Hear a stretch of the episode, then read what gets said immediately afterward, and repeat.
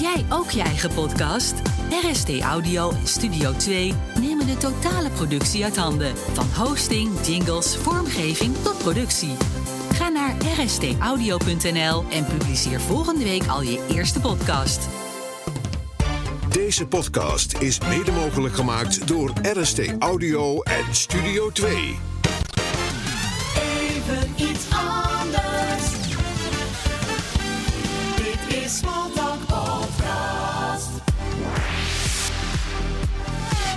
Heb jij een vraag voor Smalltalk? Mail naar podcast@smalltalkradio.nl. In de auto, bus of trein, Smalltalk de podcast.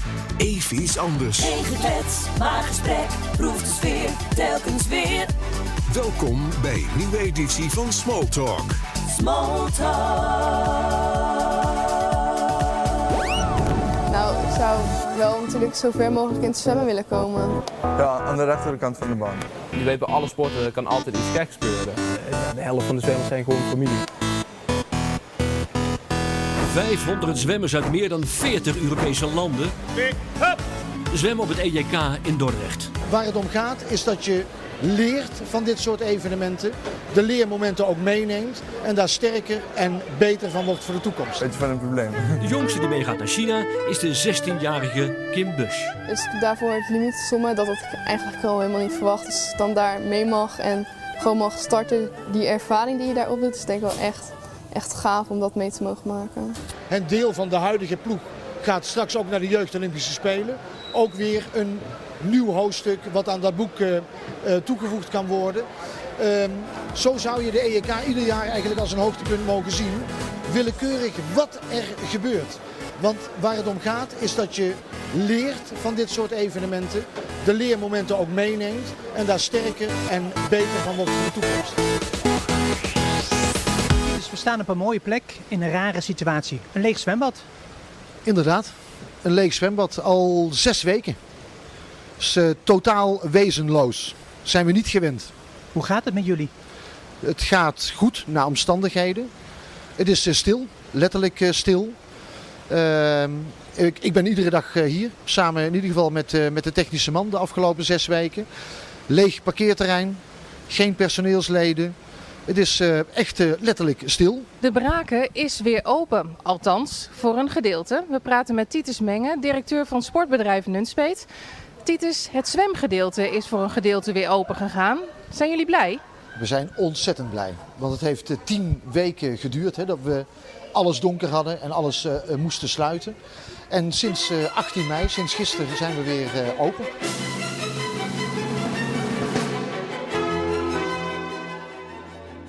Een nieuwe editie van Smalltalk, de podcast. En binnengewandeld uh, met veel bombari. En uh, toeters en bellen is Titus Mennen. Hé, hey, dat rijmt. Dat klopt, dat klopt. Jij kan nooit normaal binnenkomen, toch? Uh, ja, nou, ik, ik kom wel normaal binnen. Alle deuren zitten er nog in. Maar ik vind het uh, leuk om uh, hier een bijdrage te mogen leveren. En om jou weer te zien. Ja, dat is alweer even geleden, hè? Zo is dat. Een ja. week. Ja, ja, ja. ja. Hey, voor de mensen die jou niet kennen. Ehm, mijn podcast gaat veelal over talentontwikkeling. En... Uh, ja, de laatste jaren ben je natuurlijk, maar dat komt later wel, uh, in de commercie bezig als commercieel directeur. Maar vroeger was je bondscoach jeugd junioren bij uh, het zwemmen. Maar daar ben je natuurlijk niet begonnen, meteen op die plek. Nee, daar ben ik niet begonnen. Je bent ergens uit de klei getrokken in... Weert. Weert. Ja, ik ben... Een Weert is echte. Geboren uh, uh, Weertenaar, een Limburger. Uh, ik kom uit een gezin met vijf zussen. Ik ben de één na jongste.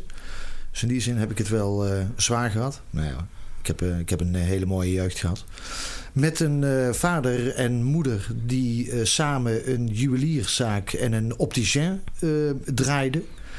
In twee panden, midden in het centrum. Dus ik ben ook opgegroeid, midden in het centrum van Weert. En daar heb ik de eerste jaren van mijn leven mogen vertoeven met enorm veel plezier. Hey, ben je als kind zijnde, was je al met zwemmen bezig? Ja, wij, wij werden wel gestimuleerd om in ieder geval te bewegen. Ik kwam al snel bij ZPC De Rog binnen. Vanuit de zwemlessen. ben ik daar eigenlijk blijven hangen. Eh, ik weet ook nog dat wij schoolzwemmen hadden in die tijd. Dus ik eh, kwam heel veel in, eh, in het zwembad. Wat overigens ook midden in de stad lag. ideaal. Ik hoefde maar 300 meter te fietsen en dan was ik er. En ik heb ook wel een tijdje fanatiek gezwommen. een aantal dagen twee keer per dag. Nou, dat was in die tijd heel wat. in de ochtend en, en de avond. Maar als ik zo terugkijk, heb ik nooit de ambitie gehad om bijvoorbeeld Nederlands kampioen te worden of provinciaal kampioen. Ja, er wordt wel eens gezegd, goede trainers Nee, uh, goede zwemmers zijn niet bij voorkeur goede trainers. Nee, ik denk dat dat klopt. Ik denk, ik denk dat een relatie... Maar de gemiddelde zwemtrainer die ik ken, heeft wel gezwommen. Maar ook niet op superhoog niveau. Want Chaco was maar ook nooit op hoog niveau, hè? Nee, nee. Volgens mij heeft hij in eh, Breda zijn uh, wedstrijd uh, sportgestalte gegeven. Maar hij kon, hij kon prima zwemmen. Maar geen nationale of internationale top. Nee, dat klopt. Datzelfde geldt voor mij.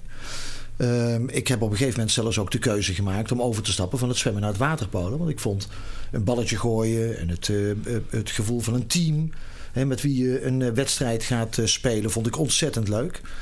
Ehm, maar daar ontdekten ze ook iets over mijn zwemkwaliteiten. Dus uiteindelijk ben ik daar in het doel beland. Want dan hoefde ik natuurlijk minder te zwemmen. Maar ik kijk wel met veel plezier en genoegen terug op mijn keeperscarrière. Want ik heb dat niet onverdienstelijk gedaan. Nou, vertel. Uh, nou, gewoon, ik hield een heleboel ballen tegen. Dat is een beetje. nee, ik denk, jullie zijn nog aardig uh, geëindigd in de competitie nee, of zo. Nee, nee, maar ik, dat, ik moet je zeggen, dat herinner ik me uh, niet meer. Nee, ik heb, ik heb eerder de herinnering aan een 25 meter bad op het kazerneterrein in Weert van de KMS-school.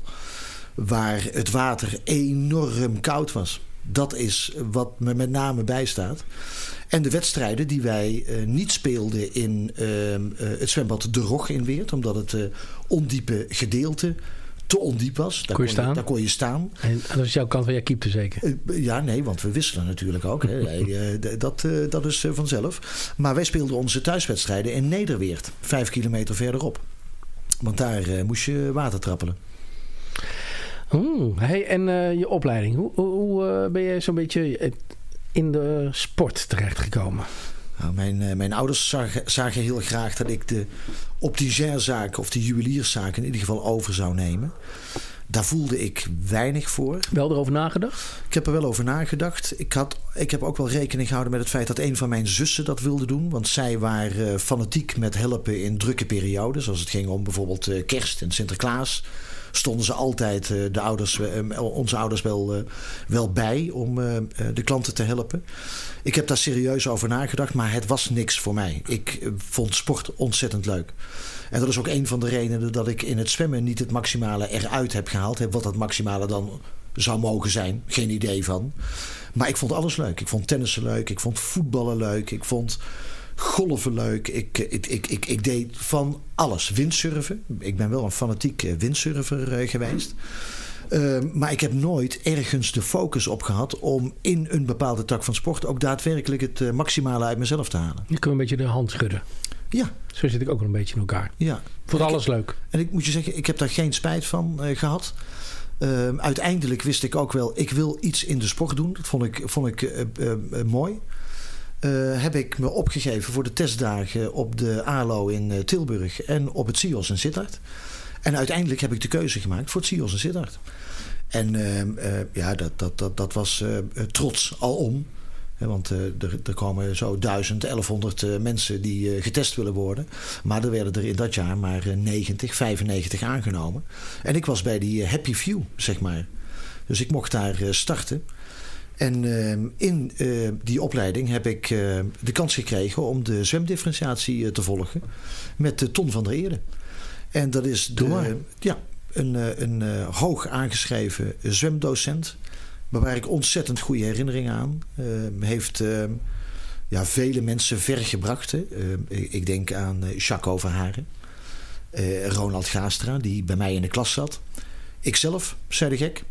Mitch Notte is ook een naam die daaruit voorkomt. Maar wat dacht je van Bibi Gulikers? Want die komt ook uit die uh, klas, zeg maar, van uh, Ton van der Eerde. En zij werd later uh, trainster van het regionaal trainingscentrum in Eindhoven. veel mensen dus die allemaal zijn gaan coachen vanuit, vanuit CIOS. Ja. Is het CIOS daar ook een beetje voor bedoeld? Eh, vaak heb je het idee van iemand gaat naar de ALO of naar de CIOS. En dan denk je van nou ja, die worden gymdocent. Ja, als je, als je de academie lichamelijke opvoeding doet, dan heb je een van de richtingen is daadwerkelijk eh, leraar LO worden. Dan sta je eh, op een school, een basisschool of een middelbare school, en je geeft daar je gymlessen in een uh, zaal. Prachtig, prachtig beroep. maar anderen zeggen van nou, ik vind, ik, vind het, ik vind het ook wel mooi om gewoon te trainen. Om te werken dag in dag uit met mensen die super gemotiveerd zijn. Die uh, iedere dag ietsje beter willen worden. Om uiteindelijk het maximale uit hun uh, talent te halen. En daar voelde ik erg veel voor. En ik heb dat uiteindelijk ook mogen doen. Want je bent uiteindelijk trainer geworden. Waar ben je begonnen met training geven eigenlijk? Ik mocht stage lopen bij zeester Nicky Nobel. -hmm. Dat was in Uden, onder leiding van de toenmalige hoofdtrainer Martin Swinkels. Die had ook een eigen kledingsmerk volgens mij, hè? Ja, dat was Nicky Nobel. Ah, eerst ja, was, die naam ken ik ergens van. Eerst was Prinsen de sponsor, weet ik nog. Later werd dat Nicky Nobel. En zij konden hun kleding, modellen, de kleuren, de, de stofvastheid, zeg maar eh, testen in het eigen zwembad. Hè? Want Cesar Nicky Nobel heeft een eigen zwembad. Nog steeds een eigen zwembad. Een vierbaans, 20 meter bad. Waar die wedstrijdzwemmers op iedere uur terecht kunnen. Dat is natuurlijk ideaal. En daar ben je stage gaan lopen? Ja, dat heb ik in het tweede jaar gedaan. Ik ben daar ook nog blijven hangen als trainer. Marcel Wouda is een van de prominente zwemmers die is opgevoed uh, eerst onder leiding van Martin Swinkels, later onder leiding van Rob Kennis in Uden bij zeester Nicky Nobel. Um, en op een Brabants kampioenschap werd ik door Peter van der Biggelaar gevraagd om bij PSV te komen werken. Ja, een, een, veel mooier aanbod kun je niet krijgen. Dat was 1984. En ik ben daar onder zijn vleugels begonnen bij de jeugd- en juniorenselectie. Hij deed de senioren nog. Ontzettend veel geleerd van, van die goede man. Later is hij zijn geluk gaan beproeven met de dames waterpolo. Ehm, competities en het nationale zevental, wat hij begeleid heeft met veel succes in die periode. Nederland was daar echt voorlopend in. en ben ik hoofdtrainer geworden van, van PSV. Was dat in de tijd al dat het van de hoge band de junioren deed? Ja, deels. Uh, een, zij is, uh, ik denk een jaar of twee, twee jaar later ingestroomd. En zij heeft de minioren en de junioren onder haar hoede genomen. Uh, ook met veel succes, waaronder haar eigen zoon Pieter. Van de hoge band? Ja. ja. Is dat, was dat niet lastig? Dus dat je, ik weet natuurlijk dat Valentijn stond bij mij. En ik had er altijd zoiets van... Uh, je moet niet zoveel met je eigen kind bemoeien. Kunnen wat ik tegen jou zei... wil je alsjeblieft Valentijn even coachen? Want ik vind dat toch lastig. Ik wil graag ouder zijn langs de kant. Ja. Nou ja, als de, ik zou haast zeggen... als er één voorbeeldmoeder is... Dan is zij dat. Dan is zij dat, ja. Ik ken die verhalen ook wel hoor. Dat zij dat zij, heel goed kon scheiden. Ja, zij heeft... Ja, op geen enkel moment uh, ook maar een schijnbeweging gemaakt in de richting van uh, dit moet voor uh, Pieter. dat is één keer gebeurd. Eén keer. En dat was toen ik aankondigde dat ik in 1992 ging stoppen. En daar was zij wel een beetje boos om. Want ze zegt, ik heb nooit hoeven wisselen van trainer. En dat gun ik mijn zoon ook niet.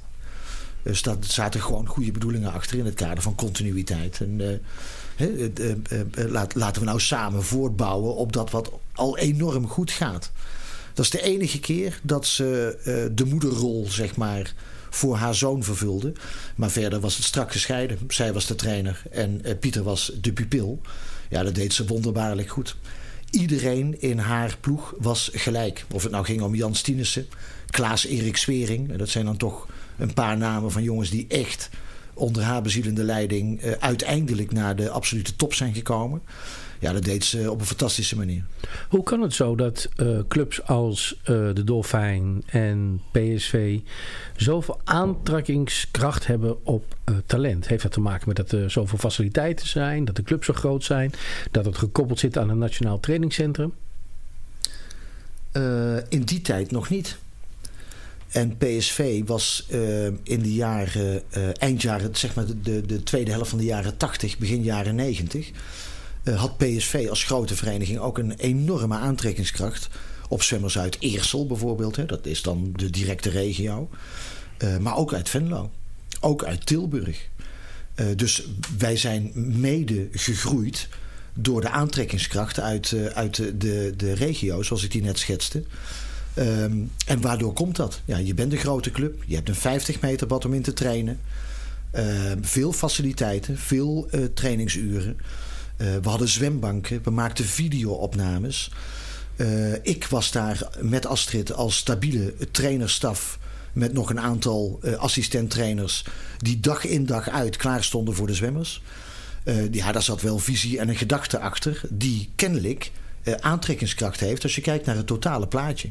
Ja, dat werkt voor uh, de Dolfijn of in die tijd voor AZN en PC uh, exact hetzelfde. Heb jij, kun je zeggen, ben je, heb je echt gepioneerd bij PSV? Kun je echt zeggen van nou ik ben daar binnengekomen en ik, ik heb daar meer aan innovatie en ontwikkeling gedaan. En toen ik wegging was PSV echt een volwassenere vereniging dan voordat ik kwam? Kun je echt zien van dit is het sausje van Titus Mennen? Ja, dat denk ik wel. Nooit alleen van Titus Mennen, want in je eentje uh, doe je niks. Uh, dat is net zo goed het sausje van uh, Astrid en vele anderen. Ik herinner me een voorzitter van de zwemcommissie... met wie ik iedere twee weken een evaluatiegesprek had, meneer Heumen. die heeft me ook ontzettend geholpen in mijn ontwikkeling. Dus ja, pionieren was het zeker. Je bent een beginnend trainer. je hebt ook wat kritiek te verduren gehad. Want Peter van der Biggelaar en Titus Mennen ja, daar zit, daar zit een jaren ervaringsverschil tussen. Uh, ouders maken zich daar uh, terecht of onterecht uh, wel wat zorgen over. Van hey, hoe, gaat het nou met, met die programma's? En zijn die wel goed? En ik, ik weet nog wel dat ik bij PSV vaak het verwijt kreeg van we, we zwemmen zo weinig meters. en ik vond dat meer dan voldoende in die anderhalf uur. Ook omdat er in die meters kwaliteit zat. Hè? technisch, maar ook als het ging om het conditionele aspect. Uh, maar dan had je zwemmers die natuurlijk ook met de centrale trainingen, met de toenmalige bondscoaches uh, meegingen. En die zwommen in twee uur even zo zeven kilometer weg. Dat haalden wij nooit bij PSV. Dus ja, zeker pionieren. Jezelf beter leren kennen. Hoe ga je om met succes? Hoe ga je om met verlies op het moment dat je daar zelf eh, een hoofdtrainer bent en dus ook eh, één op één verantwoordelijk eh, voor bent, mede verantwoordelijk voor bent. en tegelijkertijd durf ik ook te zeggen dat we enorm voorliepen op wat toen gebruikelijk was. via Philips zijn we aan twee zwembanken gekomen. daar trainde iedereen ook op om sterker te worden. de isokinetische krachttraining, waarin alleen gewerkt wordt met de positieve kracht, maar waarbij je eh, eh, de elastieken ook weer automatisch terugrollen. dat zou dan eh, met name goed zijn omdat er minder hypotrofie van spiergroepen optreedt. Nou, dan heb je ook minder weerstand in het, in het water. Ik weet dat we daar spiegels tegen de wand hadden hangen. Zodat de zwemmer ook zelf zijn borstkraal of schoolslagbeweging kon zien en volgen en corrigeren. Daar waar nodig is. We maakten video onderwateropnames. De vader van Tim Hoeimans, ook een gerenommeerde zwemmer, Loet die lag hele zaterdagochtenden onder water in zijn duikpak met luchtflessen. Met een VHS-camera de zwemmers eh, te filmen. Uh, we konden natuurlijk geen directe feedback geven op die opnames. Maar later werd wel individueel teruggekeken naar die beelden. Om slimmer te worden, om wijzer te worden. Om mensen technisch vooral beter te maken. Dus ja, uh, na, na een jaar of acht stond er wel wat. En het allerbelangrijkste wat er stond, dat was het team. Waren echt een team. Ik geloof ook niet in individuele sporten. In eenzaamheid wordt niemand groot. Maar er stond echt een team. Als je kijkt naar die ploeg, hoe ze elkaar aanmoedigden, hoe ze eh, voor elkaar stonden, hoe ze succes met elkaar deelden, verdriet met elkaar deelden. Ja, dat was, dat was uniek. Dat was uniek. Ik denk ook wel dat dat de kracht is vaak van uh, alle talentcoaches, laat ik ze maar even talentcoach bij verenigingen noemen, die uh, boven zichzelf willen uitstijgen, dat ze allemaal goed zijn in teams om elkaar bouwen. Uh, bouwen. Dat, dat had ik natuurlijk ook bij, uh, bij de FUT, waar ik met allemaal trainers stond, die, die ik nu nog ken. Ook al hè, ben ik weg, zie je wel vaak dat het in elkaar lazert of dat een andere weg op gaat. Maar je ziet wel dat alle trainers die je zo kunt benoemen, hadden allemaal mensen om zich heen En waren allemaal wel sterke teams. Ja. Deden ook allerlei dingen, gingen op trainingstage. Ook al was er geen geld voor, werd het georganiseerd. Ja. Ik denk dat dat ook wel... Weet je, als je, als je in staat bent om uh, vriendelijk te sturen... Uh, tegelijkertijd duidelijk te sturen en consequent te zijn... dan zijn verwachtingen over en weer ook helder. Uh, wij werkten bijvoorbeeld ook met presentielijsten. Hè. Wij wilden weten wie er per dag aanwezig waren. stel je nou voor dat jij gedwongen door de werksituatie... want bij PSV zwommen ook veel oudere zwemmers... die gewoon een fulltime job hadden. En die konden bijvoorbeeld op maandagavond nooit komen trainen. Maandagavond stond voor een bepaalde prikkel. Als je die prikkel dan miste, dan haalde je die de volgende ochtend of uiterlijk op dinsdagavond in. In combinatie met de prikkel die gepland was voor die dinsdagavond. Dus daar zaten enorm veel verschillende programma's. Werden, werden eigenlijk tegelijkertijd binnen één trainingssessie afgewerkt. Al naar gelang voor de hoeveelste keer jij binnenkwam. Ja, dat, dat, dat, dat zijn natuurlijk wel dingen die, uh, ik weet niet of ze tegenwoordig nog plaatsvinden. Ik hoop het wel. Maar waar we in de beginjaren 90 uh, duidelijk mee voorliepen. Ja, als je gaat kijken naar het talent dat je ontwikkeld hebt. Hè? Pieter van Hogeband komt binnen. Klaas-Erik Zwering, noem maar op. Die namen die bij jou. Uiteindelijk groeien ze een beetje mee naar, uh, naar de top. Die jongens gaan NK's uh, meedoen. Gaan NK's winnen.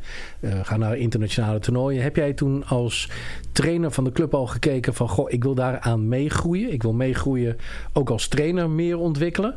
Of dacht je van nou het is nu mooi geweest. Ik uh, ga wat anders doen. Nee. Het heeft wel even geduurd voordat jij toen je stopte. En later door Jaco gevraagd bent om bondscoach te worden. Ja, ja daar zaten zat, uh, fix wat jaren tussen. Ja. Nee, uh, de, Had je ambitie als, als, als trainer of was je daar helemaal niet mee bezig? Ik was er, ik was er uh, eigenlijk helemaal niet zo mee bezig. Ik weet nog wel dat ik dacht bij, bij PSV... Goh, wat zou het gaaf zijn als ik een keer mee zou mogen... met een invitatiewedstrijd met de nationale ploeg. En plotseling werd ik uitgenodigd voor een invitatiewedstrijd. Jeetje mina. Ergens in, in, in Duitsland. En ehm, ik vond dat zo verschrikkelijk leuk. Dat toen eigenlijk pas het kwartje ging vallen. Van ik, dit wil ik wel vaker. En dat is ook vaker gebeurd. Ik ben een aantal keren mee geweest naar, naar een EEK als assistent bondscoach. Uh, ja, dat, dat, dat, dat smaakte gewoon naar meer. Maar als het gaat om... Want wie was de bondscoach in, uh, in, jouw, tijd, in jouw periode? Uh, Hans Elzeman. we hebben Antwerpen gedaan. Hè. Zeer succesvol Antwerpen onder zijn bezielende leiding. Maar als het gaat om de trainer en een pupil die steeds beter wordt. ik heb altijd tegen mezelf gezegd... ik moet wel zorgen dat ik steeds iets slimmer ben dan de beste zwemmer zodat ik die beste zwemmer ook weer slimmer kan maken. Dus stoppen met ontwikkelen, uh, dat was uit en boze. Dus er werden bijscholingen gevolgd, uh, er werden boeken gelezen, tijdschriften gelezen. Uh, op de hoogte van nationale en internationale ontwikkelingen, die je ook weer meenam in jouw verenigingsstructuur en jou, jouw trainingsaanpak. Vind je dat um, um, de rol van een talentcoach uh, wel eens wat tekort komt. In, in, hè, dus het zijn allemaal mensen die er vaak ernaast moesten werken. Uh, in verhouding heel veel tijd erin moeten stoppen. Want hoe beter iemand wordt, hoe meer tijd je erin moet stoppen. Hoe secuur, secuurder je moet worden met schema's. Uh, hoe meer je moet gaan testen. ik weet dat jij, en daar komen we zo meteen wel op, als bondscoach wel zoiets had van ja, ook talentcoaches, je had er tien, die moeten min of meer ergens voor een deel betaald worden zodat ze kwaliteit kunnen leveren. Hoe, was je daar al mee op die manier mee bezig? Je... Ja, ik heb, ik heb uh, eh, PSV een hele tijd gewoon fulltime gedaan. Uh, en dat, dat klinkt als heel wat. Terwijl we s'morgens twee uur trainden, en, of anderhalf uur en s s'avonds anderhalf uur.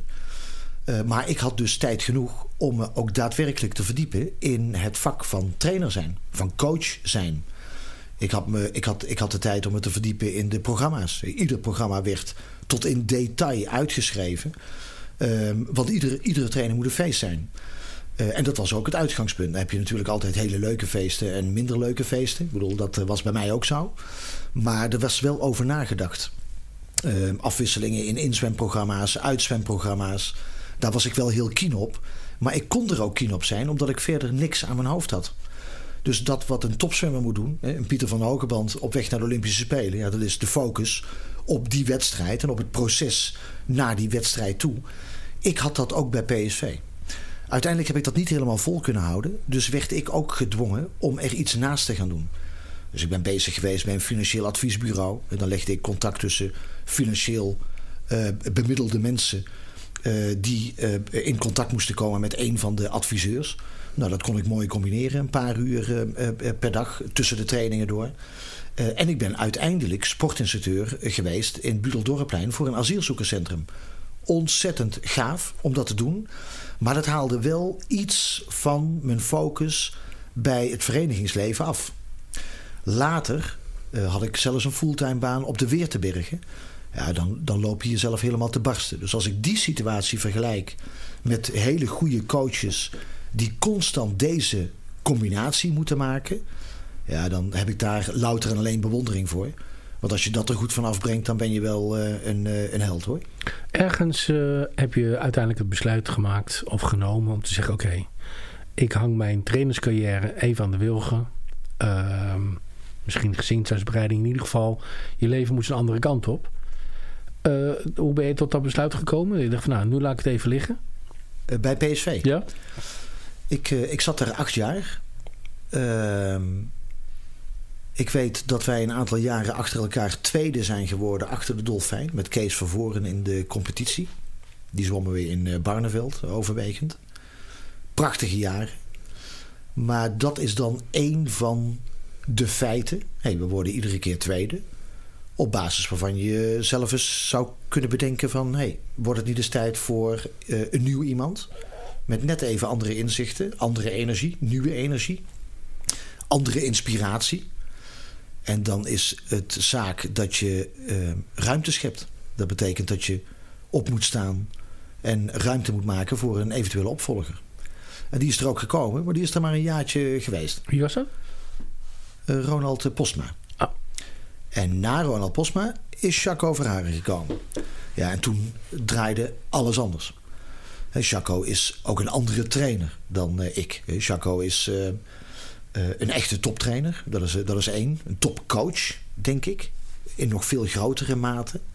Hij weet constant de juiste snaar te raken. Uh, en uh, dat was ook het jaar dat vader van Pieter, Kees Rijn van de Hogeband, opstond. Er een stichting gesticht is. De stichting Topzwemmen Zuid-Nederland. Hou me ten goede. Ik haal het even uit mijn herinnering. Waarmee extra geld gegenereerd moest worden om überhaupt Chaco te betalen. Ook weer om die, die focus erin te hebben. Uh, maar om het zwemmen veel breder in een positief daglicht te zetten. Dat is natuurlijk aan alle kanten geslaagd. Ja. dus terugkijkend ben ik er nog steeds trots op dat ik in 92 de knoop heb doorgehakt om te vertrekken. Want als ik was blijven zitten, was dit waarschijnlijk niet gebeurd. Ja, hoe, hoe, hoeveel mooier wil je het hebben? Ja. Uh, daarna ben je denk ik uh, gaan werken. En ergens komt het moment dat je gevraagd wordt om bondscoach te worden. Ja, dat gebeurde op mijn verjaardag. Ik ging naar Centerparks, de Eemhof. Uh, daar werd ik unit manager recreatie. Daar heb je een aantal afdelingen onder je. Onder andere de kerk, maar ook de fietsenverhuur en de sporthal en de horeca van de sporthal. En de afdeling entertainment. Dat was ontzettend leuk. Dat heb ik vier jaar gedaan. Maar ik was er nog geen vijf maanden. En Ad Roskam, de toenmalige technisch directeur zeg maar, van de KNZB. Die belde mij of ik parttime bondscoach jeugd wilde worden. Nou, daar hoefde ik niet zo lang over na te denken. Dat was meteen ja. Voor acht uurtjes per week, gemiddeld. En ik deed de centrale trainingen. Ik ging mee op uh, trainingsstages. Ik ging mee naar Interland en invitatiewedstrijden. Ontzettend gaaf om te doen. Want wie zaten er allemaal in jouw ploeg in de tijd toen je dat ging doen? Oh, dat is, uh, dat is een tijdje geleden. Uh, dat, dat is 293 geweest. Miranda Bosma, schoolslagzwemster, herinner ik me. Oh, dat is, dat is moeilijk, want dit is, dit is heel lang geleden, 1993. Ik herinner me een kleine ploeg met Ad Roskam notabene als chef d'équipe voor de EJK in Istanbul. Maar ook in mijn staf, Jacques Overharen. Istanbul was niet zo'n gelukkige EJK. Het was een buitenbad. Drukke stad.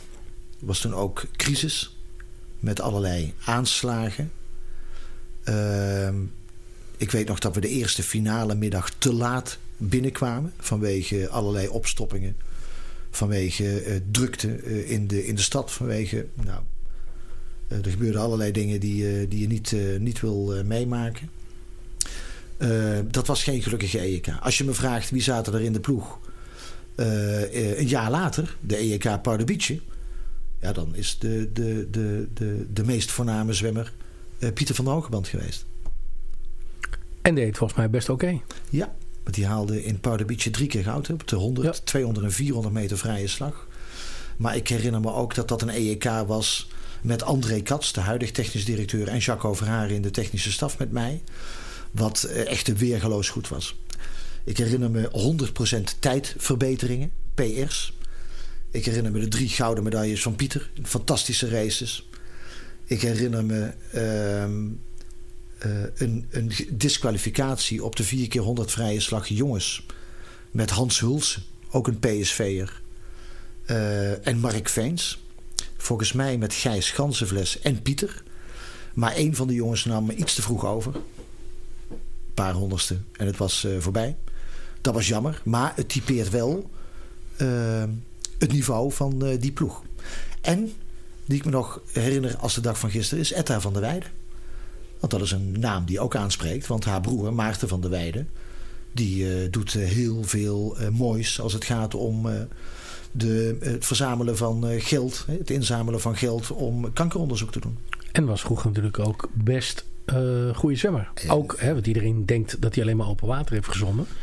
Maar als je de ranglijst een beetje gaat bekijken, stond uh, Pieter en uh, Maarten stonden altijd wel onder elkaar. Ja hoor, ja. Nee, die kon, dus ook op de 100 vrij kon die toch wel een potje breken. Ja, ja, ja, ik moet je zeggen, dat staat me niet helemaal bij. Maar uh, dat het een hele goede zwemmer is, dat, uh, dat is uh, volstrekt helder. Twee Olympisch kampioenen op een rijtje. Ja, vaak wordt er gezegd van ja, als je. Ehm, dat de open waterzwemmers niet de snelheid hebben. Maar dat is ook een beetje een illusie. Dat probeerde ik natuurlijk was aan meer mensen uit te leggen. Dat je als open waterzwemmer toch ook wel heel hard moet kunnen zwemmen. Ja. Nou, en dat je ook ziet dat de meesten dat ook allemaal wel doen. Uh, ja, uh, sowieso een hele hoge gemiddelde snelheid. Maar ik herinner me ook de aanpak van Marcel Wouda met Ferry Weertman. Vorige week aangekondigd dat hij gestopt is. dat het ook aankomt op de basissnelheid op die laatste 200 meter. Dus daar moet wel degelijk op getraind worden. Ja, dat is niet, niet voor de poes. Nee. je hebt je eerste periode als bondscoach gehad. Ga je weer een tijdje werken. Ja. En uiteindelijk komt er een fulltime functie bondscoach junior uit. Ja, dat klopt. Ik, mocht, ik mocht deelnemen aan het programma Team van Toen met Umberto Tan. En het team van toen was het team van Pieter van der Hoogband. ontzettend leuk om dat mee te maken. ik zag daar ook weer veel oud-pupillen. Dan kom je er ook achter wat die tijd voor hun betekend heeft. En dan is het ook mooi om te zien dat een Trudy Klaas, Fred Ketting, allemaal, oude, allemaal zwemmers van mijn leeftijd. Dat, die, dat die het allemaal maatschappelijk ook goed doen. Hè? Gelukkig gezinsleven hebben.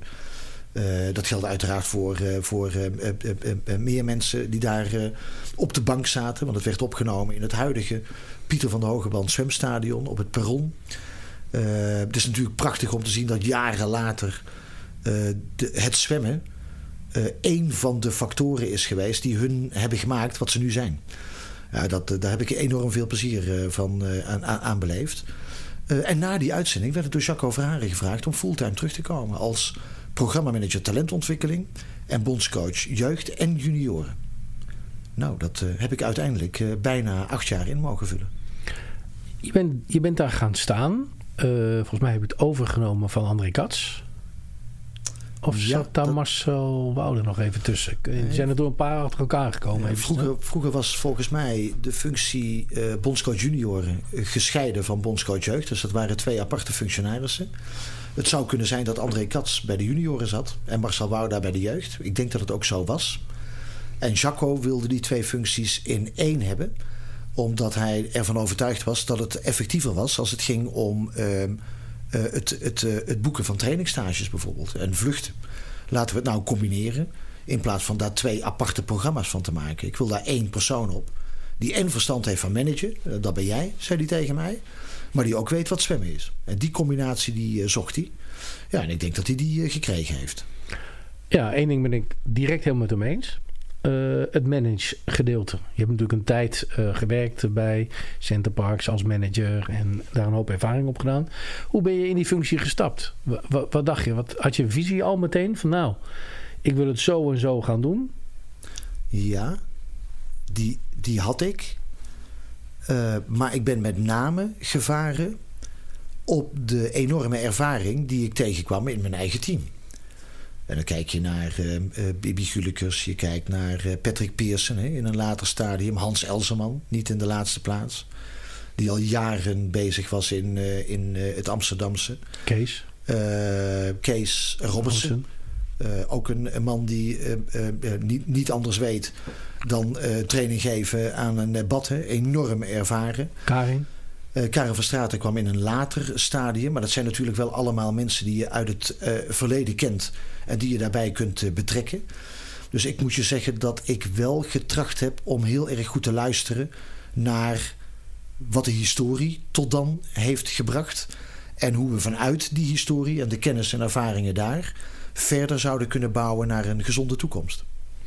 Als je gaat kijken naar jouw visie, je was streng in je beleid. Uh, je had ook je lijnen wel neergezet.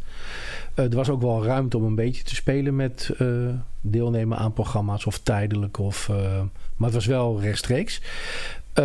hoe lang heb je nodig gehad om dat op te zetten en om je eerste doelen eigenlijk te halen als het gaat over het presteren? Uiteindelijk gaat het natuurlijk ook om hoeveel mensen doen het bij jou op een EEK. En ja. hoeveel mensen gaan vanuit jouw programma's door naar de top. Ja. uiteindelijk is dat natuurlijk het doel. Tuurlijk. Ja, je, je, je, je, wil, je wil zoveel mogelijk mensen de mogelijkheid geven om door te stromen. En je hoopt uiteindelijk ook dat ze doorstromen. Dat is, uh, dat is ook waarom ze uh, de, de energie en de inspanning leveren die ze dag in dag uit leveren. Dus dat is altijd de hoop.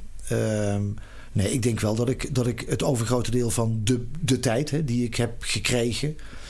om die ook te besteden, de doelen waar te maken. Nou, een, een, een, een van de doelen was om het aantal regionale trainingscentra uit te breiden.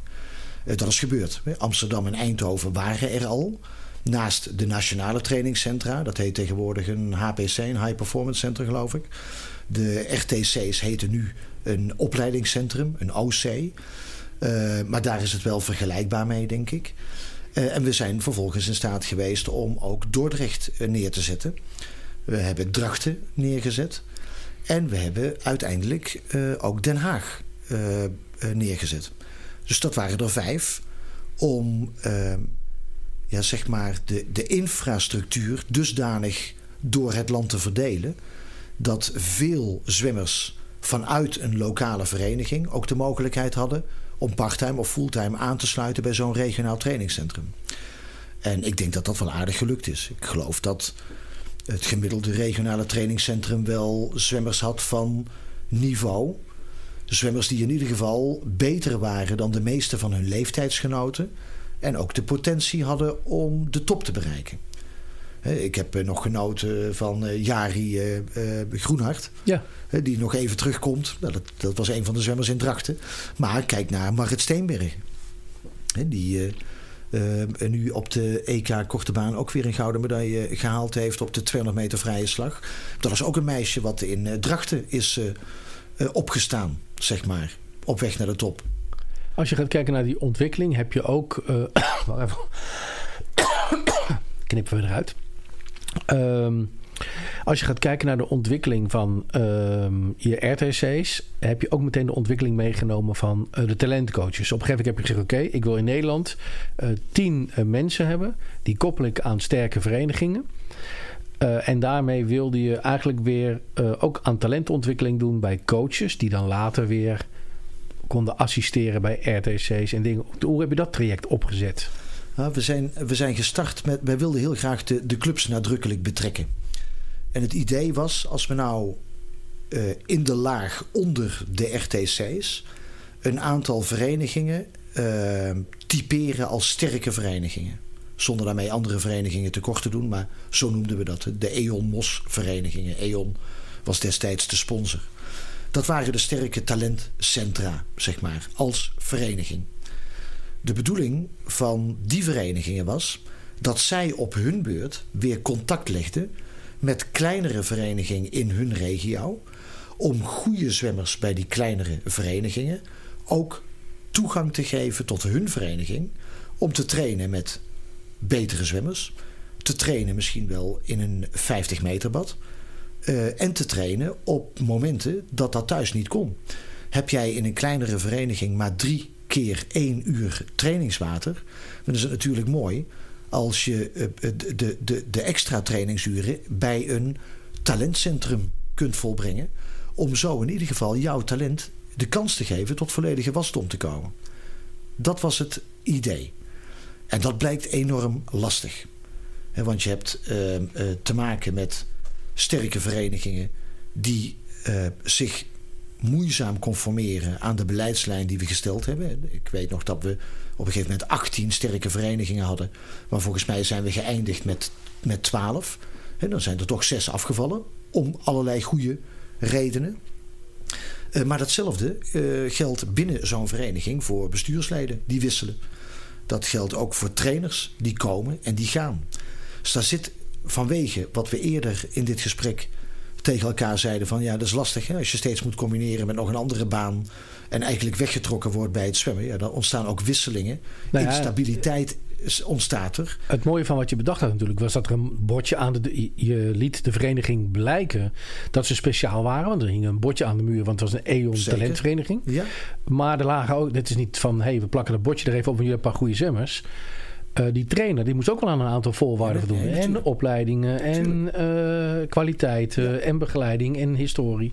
Dus om die trainers ook daadwerkelijk uh, de bijscholingen te gunnen die ze ook verdienden, waren er regelmatig bijeenkomsten waar we gastsprekers uitnodigden. Uh, collega-trainers van een NTC of een RTC, die daar een specifieke slag behandelden, of het keerpunt, of de start, of de onderwaterfase. Het Inno Sportlab Eindhoven had daar een belangrijke rol in. Uh, om ze meer inzicht te geven, de zwemmers die aan hun werden toevertrouwd, ook daadwerkelijk op een goede manier te kunnen begeleiden. En meteen de goede dingen aan te leren. Want dat, da, daar gaat het om. Ja, dat was een traject waar in mijn optiek wel uitbleek dat we iedereen een kans wilden geven. Dat alle verenigingen super belangrijk waren. Klein of middelgroot of groot, maakt niet uit. Want in de lijn van klein naar middelgroot, naar een talentcentrum en van een talentcentrum naar een RTC, dat was de route die we als proces op weg naar de top bedacht hebben. En die ook in veel gevallen daadwerkelijk zo gelopen is. Als je gaat kijken ook naar de opzet, is het natuurlijk ook zo dat iemand van een vereniging die op een regiokampioenschap het aardig deed, kon voorgedragen worden door de trainer, kwam uiteindelijk in uh, het KNCB Plus programma. Uh, waar je eerst weer een test uh, moest doen. Dus en de trainer en de zwemmer kwam volgens mij naar Zeist om daar een een middagje te zwemmen. Voorzien ja. van uh, de krentenbol van uh, Titus Mennen en het kopje koffie voor de trainer. Ja. Uh, en uiteindelijk wordt er iemand dan toegelaten tot zo'n programma. trainer ook verplicht mee. Ja, klopt. Dus geen trainer, geen zwemmer? Nee, geen trainer, geen zwemmer. Dat klopt. Dat was de combinatie die heilig was. Want we gunnen de zwemmer alles. Maar een zwemmer zonder trainer is niks en een trainer zonder zwemmer is niks. Uh, dus dat was wel een koppel wat samen dan uh, naar die training moest komen. Het KNCB Plus programma bestaat volgens mij nog steeds. Uh, een groot goed. Want daarmee laat je mensen kennis maken met trainingen in een andere omgeving. Dat is één. Maar ook op een andere manier door andere trainers. specifiek gericht op een aantal thema's. Die voor alle RTC's gelijk waren. en die gestalte gegeven werden door de RTC-trainer. Dus in Eindhoven deed uh, Bibi Gulikers dat. Ja, dat, dat, dat, was gewoon genieten. Dat was genieten voor uh, de zwemmers. Dat was genieten voor uh, mij als toekijkend bondscoach. Dat was genieten voor de, de trainers die erbij waren. Ze konden meedoen, ze konden meelopen, meeluisteren. Ja, je gaat gegarandeerd slimmer naar huis. Dat, dat, dat was gewoon een gegeven. En dat deden we op vijf plaatsen. Ja, perfect. Hartstikke mooi. Als je gaat kijken naar in die uh, eerste, uh, eerste drie, vier jaar heb je opgebouwd naar een programma toe. En daarna begon je denk ik ook wel een beetje de vruchten te plukken. Hè? Van de mensen die allemaal uit het programma kwamen. En uiteindelijk in nationale programma's kwamen. Uh, had je voor jezelf ook doelen neergezet? Ik denk, nou, op een EEK moeten er zoveel mensen meedoen. We schrijven ze in op die en die tijden. En ehm, dat moet er dan ook uitkomen. Zat je daar vaak naast? heb je je doelen als het gaat over mensen aanleveren naar EK's en EEK's? Klopte dat in je programma uiteindelijk? overwegend wel, denk ik. Alhoewel er altijd sprake is van tegenvallers en meevallers. Dus daar waar ik rekening hou met Piet, zou Piet wel eens af kunnen vallen en komt Janneke erin. Bij, bij, wijze van voorbeeld.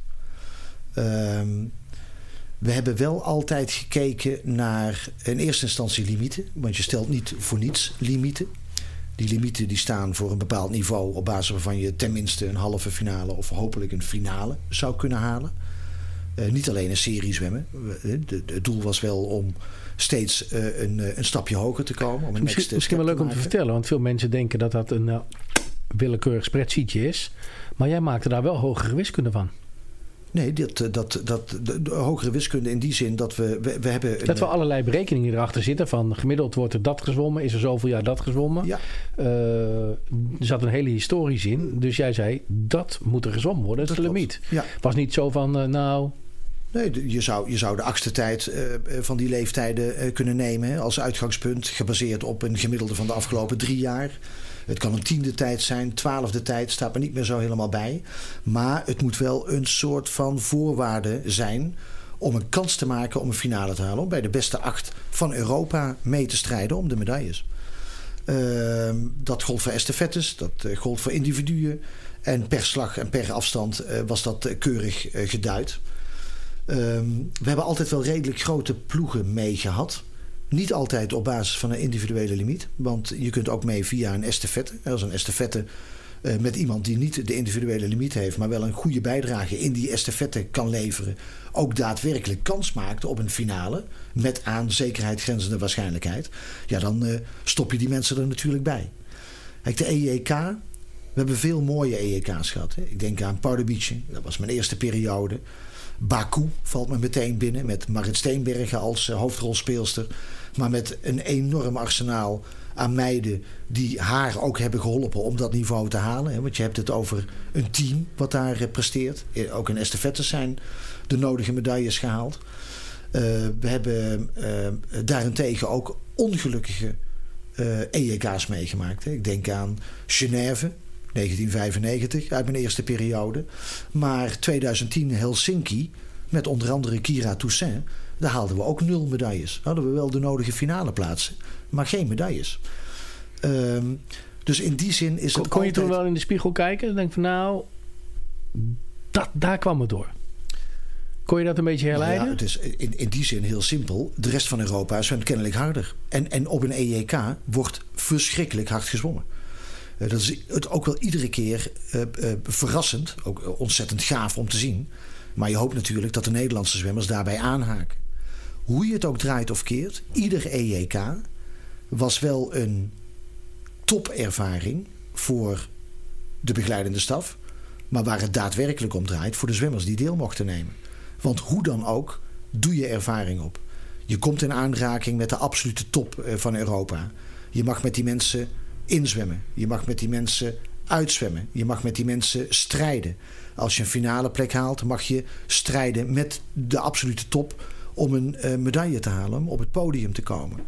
Dat zijn ervaringen met succeservaringen, met verdriet, uh, uh, dat hoort er allemaal bij, die hopelijk een basis vormen om ook na een EJK die stappen te maken. Nou ja, als je dan kijkt naar de huidige situatie, en ik zie een Stan Pijnenburg. Stan hadden we in 2014 mee in Dordrecht. Heeft hij hartstikke goed gezwommen. Heeft in de jaren daarna best uh, uh, uh, het lastig gehad. Maar is optima forma opgestaan. Ik bedoel, kijk naar zijn presteren nu. Kijk naar Kira Toussaint. Hè, die een route heeft gekozen via Amerika. Terug naar Amsterdam. Zwemt de sterren van de hemel. Ik weet nog dat ze in 2010 in Helsinki vierde werd. Op de valreep. Vierde op de 50 meter vlinderslag. Ja, dat, dat, dat, dat, dat waren mooie races waar ik nog steeds goede herinneringen aan bewaar. Um, dus een, een EEK draagt wel degelijk bij tot de ontwikkeling van zwemmers die ook de potentie hebben om de top te halen. Maar niet iedereen op een EEK heeft de potentie om de absolute top te halen. Dat zou te mooi voor woorden zijn. Dus in die zin is het heel lastig zeggen van nou dat was mijn doel. En dat doel is voor dat percentage gehaald of voor dat percentage niet. Ik denk dat we het doel, namelijk mensen een lerende omgeving geven, uit hun comfortzone halen, ervaring op laten doen in racen op topniveau, dat we dat voor de volle 100% gehaald hebben. Als je gaat kijken naar uh, talent op, uh, in, in het zwemmen. Ik had het met Joop uh, Albera een keer over toen hij hier zat. Dat het vaak zo lastig is. Het is een piramide. Er gaan er heel veel in aan de onderkant. En die weg wordt steeds smaller. En op een gegeven moment vallen mensen af. maar dat afvallen, ik benoemde dat er iets anders waarop Joop zei: dit is geen afvallen. Die mensen hebben zo'n mooie carrière gehad en zoveel ervaring opgedaan. Dat blijft hun hele leven bij. Zeker. Ook al halen ze de absolute top niet. Nee. Maar ga je altijd voor je eigen beste prestatie. Dat vind ik ook het mooie van talentontwikkeling. Ja. Als je gaat kijken naar talentontwikkeling en ouders. Um, een moeilijk gegeven denk ik voor een talentcoach. Hè? Want de ouders zijn trots. Zijn blij en willen het, uh, altijd het beste van het beste voor uh, hun kind. Maar soms leeft dat ook wel eens wat lastige gesprekken op. Had je daar veel last van? Of? Nou, ik moet je zeggen dat in mijn eerste periode als bondscoach was ik nog zelf geen vader. Dan kijk je toch anders naar ouders uh, dan uh, in mijn tweede periode. Want toen was ik twee keer vader. En dan sta je toch op een soortgelijk niveau met mensen te praten. Uh, sommige dingen begrijp je ook beter als het gaat om de redeneringen. Kijk, het uitgangspunt is zonder ouders geen zwemmers. Dus ouders zijn wel belangrijk. Maar het is wel fijn als ouders uh, uh, in die zin zich niet bemoeien met uh, het coachen. in mijn tijd hadden we ook nog de talentinformatiedagen. Waarin we een aantal keren per jaar ook de ouders meenamen in wat is nou gewenst gedrag. mijn zoon zwemt ook. Ja, ik denk dat ik, dat ik wel een goede vader ben voor hem. Want ik ben uitsluitend vader voor hem. Ook in mijn periode als bondscoach. Ik bemoei me uh, nergens mee. af en toe tot het irritante uh, toe. Omdat wij thuis de taakverdeling hebben dat mijn vrouw, Monique, eigenlijk alles regelde als het ging om inschrijvingen voor wedstrijden, het vervoer, noem maar op. Ik vond dat ook fijn. Want je moet je voorstellen dat ik naar mijn zoon zit te kijken en dat andere trainers mij via de app tips sturen over wat er technisch allemaal nog, nog beter kan. Dat hoeft niet, want dat doe je bij een andere vader ook niet. Dus dat, dat was kennelijk iets wat het bondscoachschap dan met zich meebrengt. Mijn zoon had daar wel veel last van. Dus ook een van de duizend redenen om uiteindelijk te stoppen als bondscoach. Maar goed, even terug naar die andere ouders. Alle ouders bedoelen het goed. Maar de uitkomst van aanmoedigingen in de sfeer van... hé, ik heb de serie gezien maar die ga jij winnen. Ja, dat, dat is wel een hele lastige. Want je hebt geen invloed op winnen en verliezen. Zeker niet op winnen. Want je zwemt niet in je eentje. Je zwemt met vijf of zes of zeven andere zwemmers. In, in een bepaalde serie op een bepaald nummer. Dus als die zoon of die dochter als tweede aantikt. dan weet hij of zij ook meteen dat eh, de ouders waarschijnlijk teleurgesteld zijn. Want zij hebben gezegd, die ga je makkelijk winnen. En dat is bedoeld als positieve oppepper. Van hey, kom op, hè, want je hebt uh, hard gewerkt. Maar uh, dat zijn wel funeste zaken. Als jij een PR zwemt, gaan we na de wedstrijd naar McDonald's. Ja, eigenlijk zeg je dan als ouder ook: als je geen PR zwemt, gaan we dus niet. Daar zit ook weer een straf achter. Ja, dat, dat, dat, dat waren met name de dingen waar we ouders op attent maakten. Ja, je, je had wel een leuke uh, metafoor voor de gouden driehoek. Ja, de gouden driehoek, waar de zwemmer bovenaan staat. En de basis van die driehoek uh, gevormd wordt door enerzijds de trainer en anderzijds de ouder, de ouders. Um, en, en, en, en als, je, als je je voorstelt, die horizontale lijn, ja, daar, daar uh, komen trainer en ouders bij elkaar. Alles, alles in het voordeel van die zwemmer die bovenaan in die piramide zit. En de ouder heeft met name een ouderrol. En de trainer heeft de trainer- en coachrol. Dus het misstaat een ouder om iets te zeggen over de hoeveelheid meters die gezwommen zijn. Want dan bemoei je je met het trainersvak. Dat is nou net niet de bedoeling. Een van de mooie dingen altijd van jou vond ik. ehm, ehm, de presentaties die je gaf. Zo eh, had je bijvoorbeeld de Gold Mine Effect. Ja. Het videootje van, eh, goh, eh, je hoeft niet meteen de beste zwemmer te zijn op jonge leeftijd. Dat kan later ook. Ja. Het zijn enorm mooie filmpjes om te kijken. Dat, dat je altijd het beste uit jezelf kan halen. De Gouden Driehoek waar je presentaties over had. Ja. Grappige filmpjes met een soms wat lastige boodschap. Maar het goldmine effect ehm, eh, moet ik even terughalen. Maar dat gaat met name om ehm, oordeel niet te snel of iemand een talent is of niet. Want het kan zomaar eh, gebeuren dat iemand op latere leeftijd opstaat. Eh, Arno Kammerga is daar een mooi voorbeeld van. Die kwam eh, zich melden bij, bij mij en destijds Paul Weijers. Van goh joh, ik, ik wil eigenlijk wel in het regionaal trainingscentrum zwemmen. Toen zwom die helemaal zo hard nog niet. Ehm, uiteindelijk heeft hij zich wel, heeft hij, heeft hij het doel wat we met hem hebben gesteld, heeft hij waargemaakt. Dus is hij ook toegetreden. Maar kijk waar hij nu staat. Dat hadden we toen in alle eerlijkheid nooit durven dromen. Er zat een goede kop op. Hetzelfde met Ferry Weertman. Die kwam bij Jeanette Mulder en eh, mij in Eindhoven. Van hoi, ik, eh, ik wil eh, lange afstanden zwemmen. En ik wil dat doen in het, in het RTC hier in Eindhoven. Maar, maar, maar waarom zouden we nou voor jou kiezen? Ja, zegt hij, maar, maar, maar, maar voor wie wil je dan kiezen? Dat hebben we voor hem gekozen. Er zat ook een goede kop op. Dat iets, iets van ambitie. Je voelde gewoon, dit zijn...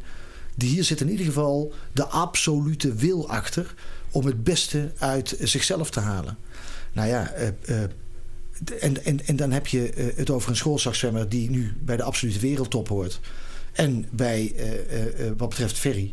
gewoon een Olympisch kampioen op, in het open water zwemmen. Ja, hoeveel mooier wil je het hebben? Als je gaat kijken naar jouw rol als bondscoach en de periode van acht jaar dat je dat hebt gedaan. Wat denk je is echt het, nou, daar ben je super trots op. Zeg, dit is nou de stempel van Titus Menne.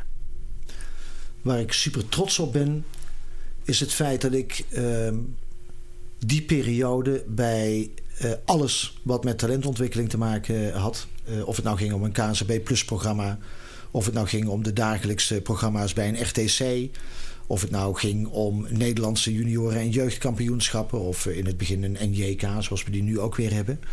Ik was overal bij. Dus ik ben trots op het feit dat ik het gezicht ben geweest van talentontwikkeling in Nederland. En naar ik inschat, in ieder geval is dat een forse inspanning geweest, er voor heel veel mensen, zwemmers, maar ook ouders ben geweest om te steunen, te ondersteunen, te adviseren, af en toe te bemiddelen. Eh, echt te zijn bij ehm, ehm, de moeilijke gesprekken, makkelijke gesprekken, evaluatiegesprekken. Echt te zijn bij een eventueel afscheid. We hebben natuurlijk ook afscheid moeten nemen van mensen. Maar er ook te zijn bij een eh, welkom. Hè, mensen die opnieuw eh, of nieuw eh, binnenkwamen. Die warmte en de stabiliteit waarmee ik in staat ben geweest om dat gestalte te geven, dag in dag uit. Ik denk dat ik daar het meest trots op ben. Als nou eens iets eh, is waarvan jij denkt, nou, dat heb ik niet lekker gedaan. Dat had ik liever anders gedaan. Of is het een karaktereigenschap die niet bij je past en die je liever uit de weg gaat? Wat, wat zijn de waarvan je denkt, nou, dat had ik liever anders gedaan? Nou, er zijn natuurlijk zijn er dingen die ik liever anders had gedaan. Ehm, misschien... Als je erop terugkijkt dat je denkt van, nou, weet je, daar... Nou, ik, eh, eh, alles wat uiteindelijk gerealiseerd is, sta ik tot, tot en met de dag van vandaag nog steeds 100% achter. De manier waarop het gestalte krijgt is dan uh, nummertje twee. Uh, als ik toevallig fulltime in dienst ben en ook de kans heb om mij dagen, weken, maanden, jaren achter elkaar te focussen op een bepaald idee, dat idee uitwerk, vervolgens met dat idee naar buiten kom en dan er ook maar vanuit moet gaan, uh, of vanuit ga, dat anderen dat idee meteen omarmen, omdat ze het ook begrijpen, dan speelde ongeduld van mijn kant uh, wel eens een onterechte rol. Dus dat zou ik anders doen door het aan de voorkant, in de voorbereiding op al die nieuwe ideeën, in breder verband te delen. eh, en daar wat consequenter mee om te gaan. Zodat mensen ook daadwerkelijk in het proces worden meegenomen. Ik denk dat ik dat anders had willen doen. Zou, eh, in hoeverre heeft het eh, effect op jouw loopbaan als bondscoach gehad dat je eigenlijk ook een paar jaar manager bent geweest? Ook in een bedrijf hebt gewerkt. Hè? Je ziet veel, in, eh, ook in andere landen, coaches die hebben nooit iets anders gedaan langs de bak staan. Ehm, wat niet wil zeggen dat ze ook een goede manager zijn. Moet, moet je als bondscoach jeugd junioren een goed manager zijn? Ja, ben ik van overtuigd. Er moet er één zijn die zicht heeft op het totale speelveld. En dat was ik. Ben je een sterke leider? Ik denk het wel. Ja. Ehm, ja, daar kan ik niks anders van maken. Ik denk, Denk, je, is- denk je dus een sterk leider is ook nodig om zo'n functie te kunnen vervullen? Ja, ben ik heilig van overtuigd. Eh, dat is het constant eh, bewaken van ehm, eh, afspraken die gemaakt zijn. Bereid zijn om op tijd bij te stellen, daar waar het nodig is. Sterke leider ehm, heeft ook voor de goede dingen die gebeuren. En benoemt die goede dingen ook, want daar groeien mensen van. Maar is ook niet bang om directe feedback te geven in kritische zin. Ehm, dat gaat gepaard met transparantie, dat gaat gepaard met eerlijkheid, dat gaat eh, gepaard met eh, stabiliteit. Ehm, en, en consequent gedrag. Ja, ik wou net zeggen, ben jij consistent en consequent? Ja, ik ben vriendelijk. Ik ben tegelijkertijd super duidelijk. En vooral consequent. Kan je goed tegen kritiek? Ik weet dat mensen daar een mening over hebben. Ik vraag niet voor niks. Ja, ik denk dat ik, dat ik, dat ik tegen kritiek kan. Maar ik moet je zeggen dat ik wel rood kan aanlopen op het moment dat de kritiek ongefundeerd lijkt. Ehm, of kritiek geuit op basis van te weinig nagedacht over waar je nou kritiek op uit. Maar in de basis genomen kan ik heel goed tegen kritiek. Zeker als die op een positieve manier gebracht wordt. Want kritiek is een cadeautje. Ik bedoel, je krijgt een cadeautje. Je krijgt de kans om jouw plan een klein beetje eh, eh, scherper neer te zetten. Of een aantal onderdelen daarvan eh, te veranderen. Dus ja, ik ben zeer vatbaar voor kritiek. Maar ik ben ook zeer vatbaar voor de manier waarop het gegeven wordt. Dat herken ik wel in mezelf. We gaan even luisteren naar jouw muziekkeuze. De plaat en zijn verhaal. Hartstikke mooi. Het is tijd voor het leukste liedje. Zet me lekker hard. Poprock of gouden ouwe. Speciaal voor jou. Kom maar op met je verhaaltje. Zetten wij het liedje klaar. Even tijd voor wat anders. Smolten voor jou.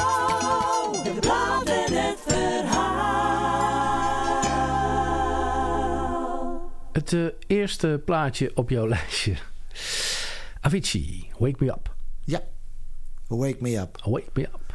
Wa- waarom heb je daarvoor gekozen? Wat, wat is het verhaal bij deze plaat? Nou, volgens mij gaat deze plaat over eh, eh, eh, mensen in crisis. Hè, persoonlijke crisissituaties. eh, crisissituaties wellicht van anderen. Hè, die we ook meemaken als het gaat om ziekte. en ernstig verval. Ehm, dat je het liefst in slaap zou vallen. En weer wakker zou willen worden op het moment dat de crisis voorbij is. En dat spreekt enorm aan, want vroeg of laat eh, hebben we er allemaal mee te maken.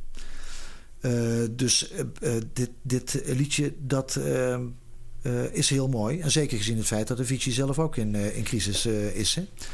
Geweest in ieder geval. Dat is achteraf wel gebleken. En daarnaast eh, is dit liedje van 2013... Wereldkampioenschappen zwemmen in Barcelona... Uh, en Barcelona is de lievelingsstad van, uh, van mij en van mijn gezin. Daar gaan we vrijwel ieder jaar een aantal dagen heen. En in 2013 zaten we in een prachtig appartement. Boven op het dak van een, van een hotel. En schalde dit nummer steeds weer door de luidsprekers. Dus ik bewaar daar ook nog eens een keer fantastisch mooie herinneringen aan.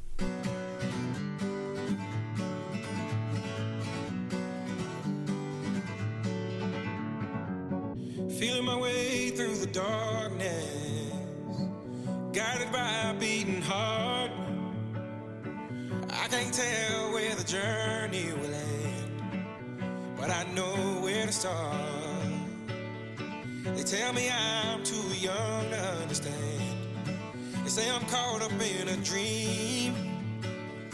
Well, life will pass me by if I don't open up my eyes. So that's fine by me.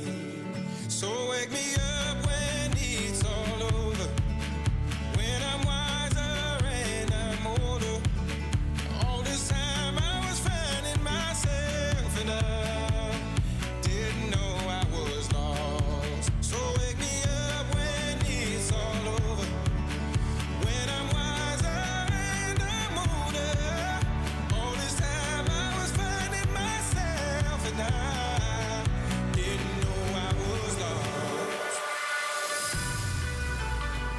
The others, they don't like us.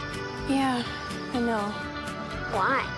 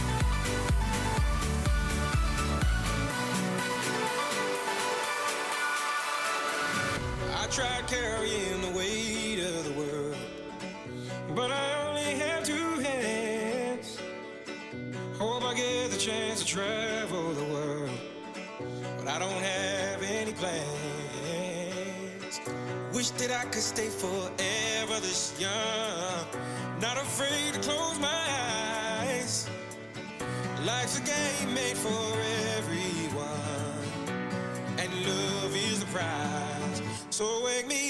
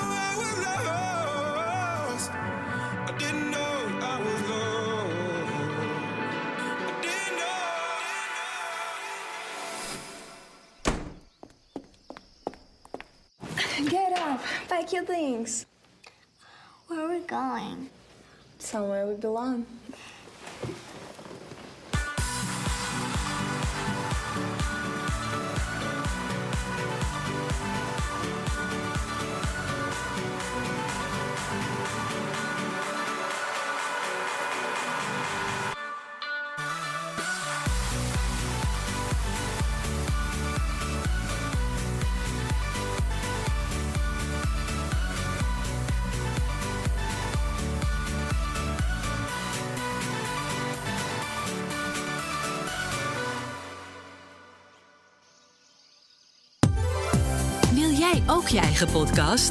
RST Audio en Studio 2 nemen de totale productie uit handen. Van hosting, jingles, vormgeving tot productie. Ga naar rstaudio.nl en publiceer volgende week al je eerste podcast. Zo, en dan nu even tijd voor een kopje thee. Ah, lekker. Even bijkomen. Mijn oren staan te klapperen. We gaan zo weer verder.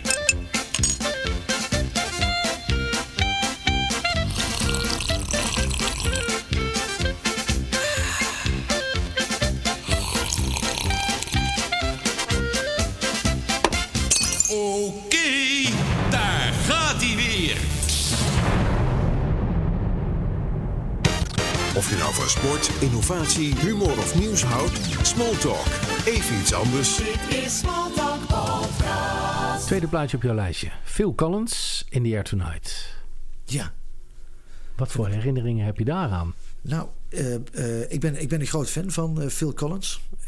over, over zijn hele oeuvre. Maar dit nummer specifiek. Omdat... Ehm, volgens mij is het nummer van begin jaren 80. Het zou gaan over eh, een man die iemand ziet verdrinken. eh, maar die besluit om de drenkeling niet te helpen. Ehm, nou, dat is natuurlijk nat dan in eh, de business waar ik toen al volop in zat. Want op het moment dat je werkt met water, weet je ook dat er ernstige calamiteiten kunnen optreden. Nou ja, dan is het eh, minst eh, slimme wat je kunt doen. Geen hulp verlenen. Eh, sterker nog, dat zou niet mogen. En dat moet je voor jezelf ook niet willen. Dus dat sprak me aan. Maar als het gaat om de inhoud van het liedje, met name de weergaloze drumsolo's die erin zitten. Heb je iets met drummen? Ja, ja, ik heb het zelf altijd heel graag willen doen. Die kans heb ik nooit gekregen. Ik heb ook een drumstel van je gekregen. Althans, je hebt er mee betaald. Ja, dat klopt, ja, ja dat, dat is zo. Ja, op, jou, op jouw eh, verjaardag. Eh, een paar jaar geleden. Ja, ja dat, dat eh, klopt. Zo'n stil drumstel was dat. Ja, hij was stil. Nou, maakt herrie hoor. En mijn, eh, mijn zoon eh, Rafael die heeft eh, een eh, aantal jaren drumles gehad. Ja, ik vind het eh, eh, fantastisch. Maar niet voor mij weggelegd. Eh, de, de, de hoeveelheid trommeltjes en de, de motorische vaardigheden die je moet hebben om daar eh, wat geluid eh, uit te krijgen. Fatsoenlijk, ritmisch geluid. Dat is eh, niet meer aan mij besteed. Maar ik vind het wel prachtig.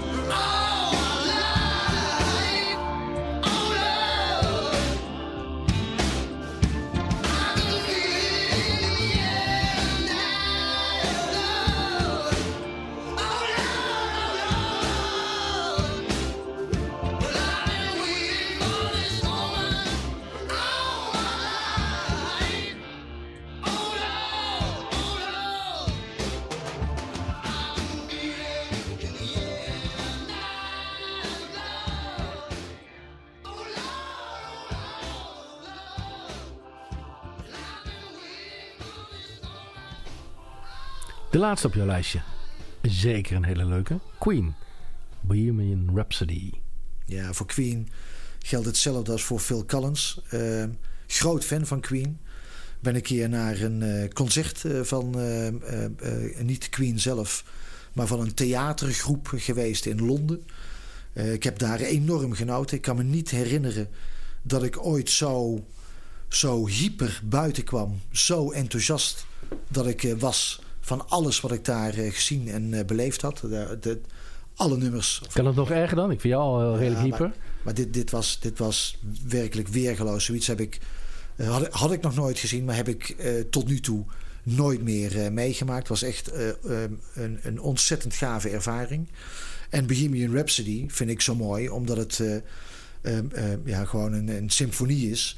Waar eigenlijk alles in zit. Hè. Er zit opera in, er zit hard rock in. Um, ja, ik vind dat een uniek stuk. Hè, wat eigenlijk uh, het lijkt op verschillende liederen, maar het is allemaal op een natuurlijke wijze aan elkaar geplakt. En, en, en als je de tekst hoort, als de, de beginmelodie hoort, begin je ook meteen mee te, mee te zingen. Dus op het moment dat me dat gebeurt op weg naar een, uh, een bezoekje, dan zit ik boordevol, boordevol energie, want ik zing het van, van het begin tot het einde mee.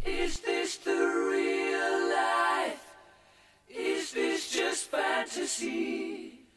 Caught in a landslide, no escape from reality. Open your eyes, look up to the skies and see.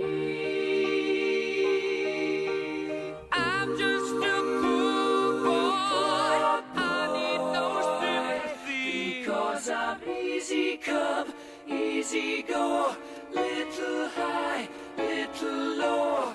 Any way the wind blows doesn't really matter to me. To me.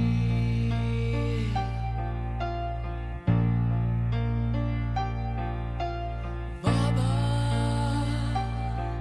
just killed a man, put a gun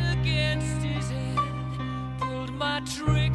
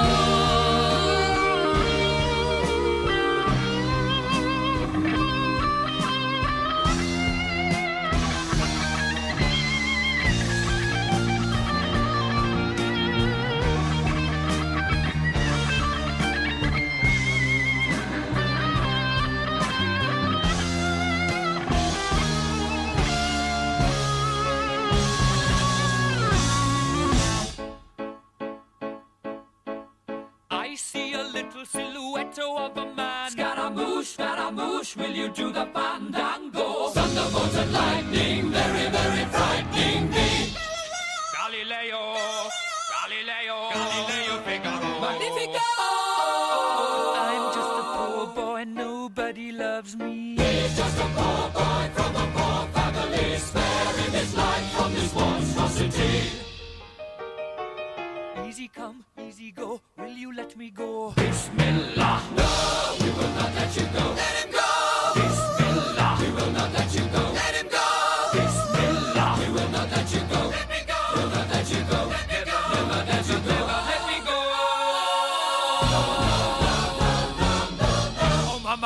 mamma mia, mamma mia. Let me go. Beelzebub has a devil put aside for me.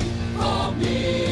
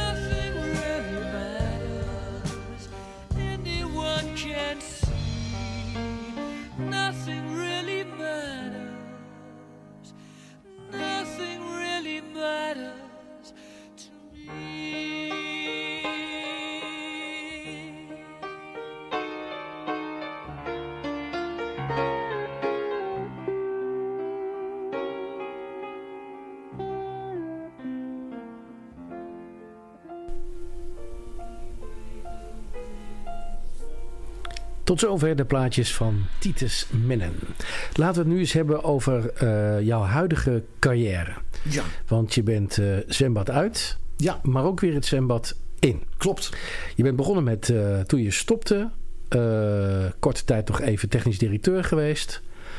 Eh, nou, ik denk, eh, als het gaat om eh, de sport was dat een iets mindere periode, denk ik, de laatste...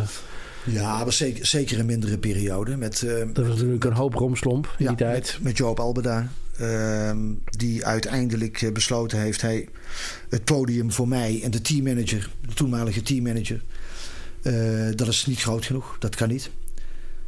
Tot mijn grote spijt is hij toen afgehaakt... eh, om mee te gaan naar de, naar de Spelen in, in Rio. Eh, überhaupt afgehaakt bij de KNZB. En toen werd ik door eh, eh, Jan Kossen, toenmalig algemeen directeur, gevraagd om de taken van Joop over te nemen. Dat heb ik gedaan. Onder andere het opleidings- en het topsportplan 2020 en 2024 geschreven. Met alle wedstrijden en de budgetten. Daar, moest, daar, daar, kwam uiteindelijk het budget vanuit NOC-NSF vandaan. Eh, dat heb ik eh, uiteraard als, als mooi ervaren om dat te mogen doen. Maar eh, de historie die daarachter zit, het vertrek van, eh, van Joop, het verdriet wat daarmee gepaard ging bij velen. eh, dat, nee, dat, dat, dat, dat, daar denk ik heel donker aan terug. Tegelijkertijd werd André Katz destijds aangesteld als de nieuwe technisch directeur. Ik heb hem in mijn rol nog een klein beetje op weg mogen helpen. Alhoewel het natuurlijk een, een bekende eh, eh, was binnen de KNZB. Heeft zijn hele leven zo onderhand bij de KNZB gezeten. Maar kwam terug na acht jaar eh, chef d'équipe van de Paralympische ploeg. Of de, de, de prestatiemanager Paralympische ploeg. Heeft hij ook op een uitstekende manier gestalte gegeven. En ik ben op 1 februari 2017 afgezwaaid. En toen ben je begonnen met eh, T2000. Ja, ik ben een paar maanden thuis gebleven. Weet je, als je 75 tot 90 uur per week rondloopt in een unieke functie, dan ben je wel een beetje moe na een, eh, een dikke zeven jaar. Eh, dus ik heb eh, bedacht, ik ga eh, een beslissing nemen in drieën. Ik heb besloten om te stoppen als bondscoach. Ik eh, besluit vervolgens om thuis te zijn en rustig na te denken over wat ik wil. En het derde deel in dat besluit was: ik ga de gok wagen om voor mezelf te beginnen. Met T2000, een interim managementbureau, een adviesbureau, advies en begeleiding doe ik, persoonlijke coaching, presentaties, daar waar het eh, kan en eh, eh, goed is om te doen. Doe ik nu bijvoorbeeld in Den Haag. Hartstikke leuk. Over dan specifiek eh, de bedrijfsinhoud. Dat heeft dan een nauwe relatie met het rooster waar ik nu mee bezig ben. En in die rol ben ik nu directeur-bestuurder van het sportbedrijf Nunspeet. Ik ben ook eh, interim manager geweest in Rotterdam voor de eh, locatiemanagers en de productdeskundigen eh, van eh, de productspecialisten, moet ik zeggen. Eh, van de Rotterdamse zwembaden. Want er zijn tien zwembaden van het sportbedrijf Rotterdam. Enorme klus, ook ontzettend leuk. Daarna mocht ik het interim management in Lelystad doen voor de koploper. Ook een prachtige accommodatie. En een prachtig sportbedrijf. En vorig jaar in eh, de Meerkamp voor Amstelveen Sport. Ook een ontzettend mooi jaar geweest. Nunspeet steeds als stabiele basis. Beleef ik enorm veel plezier aan. Want we houden iets ouds eh, hartstikke rechtop. En we vernieuwen eh, mensen eh, die uiteindelijk een nieuw team moeten vormen. Allemaal eh oudgedienden die enorm graag willen. Want we staan aan de vooravond van de oplevering van een spiksplinternieuw sport- en zwemcomplex. Wanneer moet het klaar zijn? December volgend jaar. Dus de, noemen we het de vooravond, omdat we... Ja, daarom ik het ook. Eh, ja, goed, maar het, heeft, het hele traject heeft 10, 11 jaar geduurd. Dus nog een jaartje noemen we dan eh, de vooravond voor het gemak. Dat wordt een, eh, een sportcomplex met een zesbaans 25 meter bad, een doelgroepenbad. Waar ook wedstrijdlijnen op de bodem geschilderd zijn. We willen alles benutten. Een mooi recreatiebad met twee glijbanen. Een turnhal voor de gymvereniging Nunspeet. Maar uiteraard voor alle turnverenigingen die daarvan willen profiteren in Nederland. En een prachtige sporthal. Ja, het ziet er eh, fantastisch uit. De bouw vordert. 17 december eh, vieren we het hoogste punt. Als je gaat kijken naar... de Nunspeet is een beetje vast. En de andere klussen zijn redelijk interim. Ja. Nou heb je acht jaar bij de Zwembond gezeten. Eh, in ieder geval bij je laatste periode. Is het niet lastig dat je dan, dat je dan moet schakelen tussen al die continu nieuwe mensen, eh, alle eh romslomp die erbij komt kijken, ge- gedrag van verschillende mensen, vastgeroeste mensen. eh, is dat lastig? Kun je dat goed? Ja, kan ik goed. Ja, ik denk als je, als je moeite hebt met schakelen, dan heb je wel een extra uitdaging. Ik heb geen moeite met schakelen. Ik heb een goed geheugen, ook voor cijfers. Dus als je mij de begroting laat zien van Lelystad eh, naast alle begrotingen van Rotterdam, dan kan ik die van Lelystad eruit halen. Datzelfde geldt voor tien zwembaden in eh, Rotterdam. Daar heb ik wel eh, goed gevoel bij van nou, dit moet van de Wilgering zijn of eh, dit moet van het zwembad IJsselmonde zijn. Terwijl je bent niet financieel opgeleid of zo. Dus dat is al, heb je, ben je autodidact? Ik denk het wel. Ik had eh, vroeger bijles met rekenen. Ik heb leren rekenen bij PSV. Op de digitale klokken. Want dan moest je toch een beetje onthouden met eh 6 keer 100 meter. Iedere 1 eh, minuut en 30 seconden. Als jij vertrokken bent op de 15 en je komt eh, ergens aan. eh, welke tijd je gezwommen had. Dus ik heb daar echt leren rekenen. Eh, en inmiddels ben ik daar eh, gewoon goed in. Eh, ik heb goed gevoel bij cijfers, bij getallen. Eh, een goed geheugen. Dus ik kan jaarrekeningen ook makkelijk eh, vertalen zonder eh, exact naar die cijfers te hoeven kijken. Ehm, en dat heb je wel nodig als je financieel ook ergens mee mag praten. Ehm, nou moet ik zeggen dat dat eh, in, eh, in Lelystad eh, was dat echt een item. Maar in Rotterdam veel minder. Want dan ging het erom dat ik de locatiemanagers en de productspecialisten beter liet samenwerken. Eerder was het één manager voor één accommodatie. En nu is het één manager voor negen andere accommodaties ook. Dus je wel oog voor elkaar. Dat moest een beetje een team worden. Ontzettend gaaf om te doen. En nu in Den Haag heb ik financieel helemaal niks. Want dan gaat het over het inroosteren van de juiste mensen op de juiste eh, activiteit in de juiste accommodatie. Dat is weer een totaal andere uitdaging. Het houdt me fris. Het houdt me eh, energiek. Het houdt me jong. Ik hou van mensen. Dus of je nou vastgeroest bent, dan, dan moet daar wat cola in om jou wat losser te krijgen. Eh, het is wel een beetje de kunst om niet mensen te veranderen. Dat wil ik niet. Ik verander niemand. Want dat zou betekenen, als ik dat zou willen, dat ik een bepaald persoon niet de moeite waard vind. Maar ik wil wel mensen vernieuwen. En dat gaat eh, hartstikke goed. Als je gaat kijken, ehm, waarom zouden. Wat is jouw gemiddelde, gemiddelde deler. Wat doe jij bij al die organisaties anders dan iemand anders die een interim manager zou zijn? Heeft dat te maken met juist dat je uit dat zwemmen komt en al die verschillende mensen met verschillende omgevingen, trainers, dat je, dat je die verstaalslag kan maken naar de mensen? Ben je, ben daar ook puur een people manager? Ja, ik denk, ik denk dat het waar is wat je zegt. Ik heb echt oog voor mensen. Ik ben bereid om te luisteren. En ik ben ook bereid om een besluit te nemen. En dat is, je kunt nooit voor alle monden koken. Uh, maar ik besluit niet eerder dan dat ik de mensen om wie het gaat uh, uh, allemaal heb gehoord. Ik kreeg een mooi compliment van een teamleider uit Amstelveen. Ik was daar twee dagen en zij had het gevoel dat ik fulltime daar was. Omdat de dagen dat ik niet fysiek aanwezig ben, wel betrokken blijf door een telefoontje, een mailtje, even een appje. Ik heb oog op verjaardagen. Uh, andere, andere, andere feestelijke gelegenheden. Ik heb oog voor verdriet. Uh, want daar mag even bij stilgestaan worden. Daar moet even bij stilgestaan worden. Uh, weet je, dat soort zaken, als je dat in, in, in een kom zou gieten... dan is de uitkomst daarvan wel dat ik een people manager ben. Maar wel met oog voor het bedrijf. Het belang van het bedrijf. Het financiële belang van het bedrijf. Want als we afspreken dat er twaalf kinderen in een zwemlesgroep zitten, zitten er ook twaalf kinderen in een zwemlesgroep en geen elf. Want als we dat een jaar volhouden, dan zitten we met 8% minder inkomsten op het einde van het jaar. En dat willen we niet. Want jij eet ook hier een boterham met pindakaas en hagelslag. Van het salaris wat je uit dit bedrijf mag hebben. En ook verdient, want daar werk je ook voor. Maar dan moeten we aan de voorkant ook zorgen dat we voorwaarden scheppend werken om voldoende inkomsten binnen te krijgen.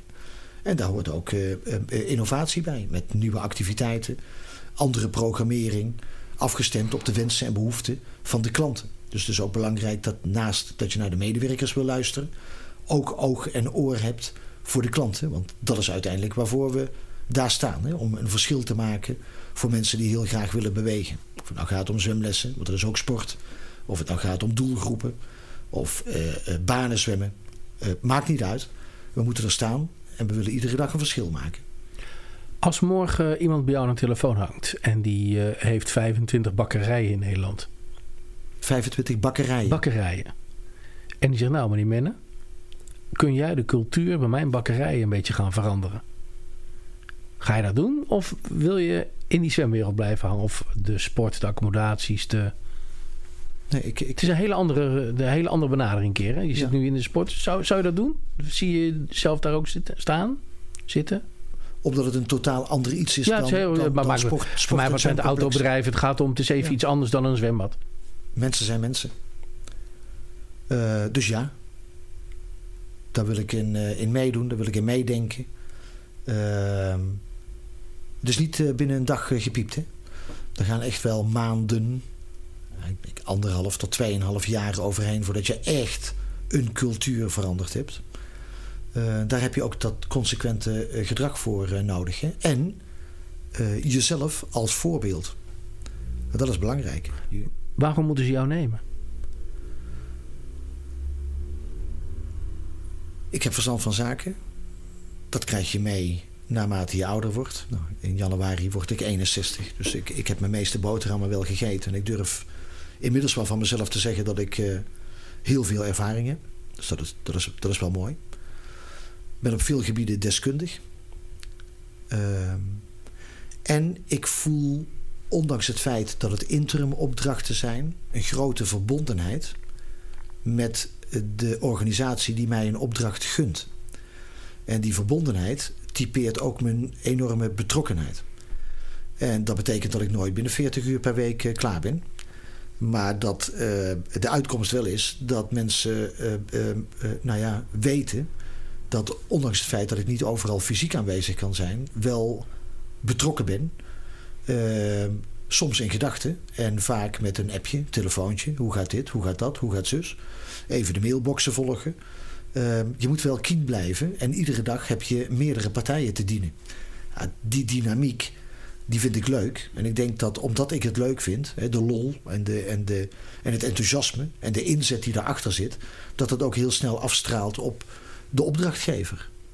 Daarom zou ik het niet raar vinden om eh, eh, een opdracht gegund te krijgen. Maar dat zul je niet eh, vreemd vinden natuurlijk. Dat vind ik niet vreemd. Ehm, we gaan het klokje vooruit zetten. Ja.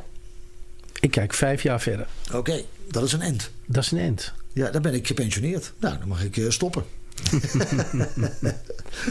Ah, nou, daar zijn we snel uitgesproken. Nee, Nee, wat zijn jouw ambities nog? Wat, wat, wat heb je nog voor dingen waarvan je denkt... nou, dat zou ik nog heel graag willen doen? Eh, wat ik nog heel graag zou willen doen is ehm, ehm, het huidige team van Sportbedrijf Nunspeet eh, overbrengen naar de nieuwe accommodatie. Om daar na een half jaar nadat we daar eh, de bedrijfsvoering gestalte hebben gegeven, het stokje ook weer over te dragen aan een ander. Kenmerkend in mijn carrière is dat ik altijd op eigen initiatief tot nu toe eh, ergens ben vertrokken. Eh, int- interimopdrachten werken natuurlijk niet helemaal zo. Hè, want dan heb je een beginmoment en je hebt een eindmoment. Soms wordt dat uitgesteld, maar uiteindelijk bepaal jij niet zelf wat het eindmoment is natuurlijk. Hè. Dat bepaalt jouw opdrachtgever. Maar eh, daar kies je dan ook voor. Maar verder heb ik, ben ik overal wel eh, in staat geweest om mijn eigen route te kiezen. Ik hoop dat in de komende jaren te blijven doen. Met heel veel leuke opdrachten. Opdrachten waar ik ook daadwerkelijk een blijvend verschil kan maken. Het nadeel van een interimopdracht kan ook zijn dat het net niet af is. Dus wat je, wat je tenminste in de periode dat je actief bent kunt doen, is een verschil maken op basis waarvan de mensen die achterblijven, de erflaters, in ieder geval het gedachtegoed wat je samen hebt neergezet, voortzetten voor de toekomst. Dus Titus Menne in huis, dan is het wel het doel dat na zijn vertrek wel wat blijft hangen. Dus dat, dat hoop ik in de komende jaren nog nadrukkelijker gestalte te geven. Eh, en ehm, ja, wat kan er dan nog meer eh, gebeuren? Ik ben op dit moment super gelukkig. Ehm, het is lekker thuis. Het is lekker eh, op het werk. De cirkel is rond. Ik ga met plezier s morgens van huis af. Maar ik reis straks ook weer met plezier naar huis. Nou ja, dan, dan, dan heb je wel de ideale cirkel te pakken. Daar wil ik dag in dag uit van genieten. Want morgen kan het ook anders zijn. Hè? Dus het is wel de bedoeling dat je de dag van vandaag plukt. En ook beseft wat je eh, in huis eh, hebt. Wat, je, wat, je, wat je mag en kunt doen. Ehm, velen beschouwen dat als vanzelfsprekend. Maar zo vanzelfsprekend is het niet. Ehm, ja, als ik zo mijn werkbare bestaan voort kan zetten. En op een eh, prachtige manier af kan ronden. Dan ben ik dik tevreden. Als je nog even een kleine knipoog naar de sporten doet... en je zou benaderd worden eh, om terug te komen bij de KNCB... Zo ja, in welke rol zou je dat doen en heb je die ambitie nog? Ja, het zou sterk samenhangen met de rol die ik toebedeeld zou krijgen. Of die wellicht geschikt zou zijn. Eh, welke rol dat dan is, hè, dat laat ik maar in het midden. Eh, ik weet zeker dat ik daar heel serieus over na zou denken.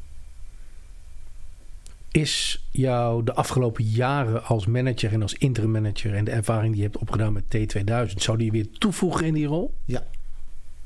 Ja, zoals ik mijn acht jaar bondscoachschap ook dag in dag uit toepas en inbreng in eh, de bedrijven waar ik een bijdrage mag leveren.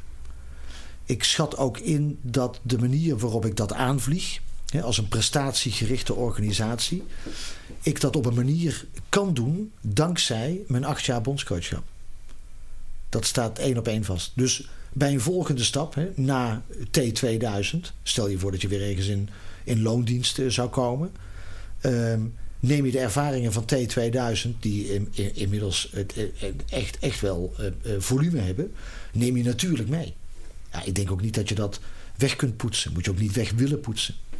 Die ervaringen goed en minder goed, gelukkig en minder gelukkig, neem je natuurlijk mee om daar weer het beste van jezelf te geven voor de mensen, voor de organisatie en voor het resultaat. Want er, er, moet, er moet wel een resultaat neergezet worden. Het was leuk je te hebben. Ik vond het leuk om jou te zien en te spreken. Ik ga je heel snel weer bellen. Hartstikke goed. Maar dan denk ik voor een wijntje. Dat is top. Dan pak ik een biertje. Dit is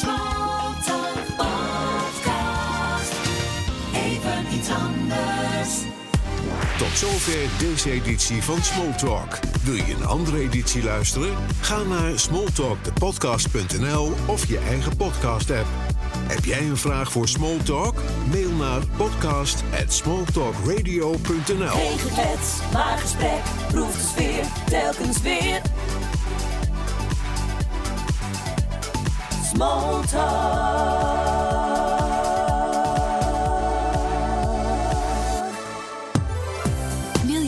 je eigen podcast?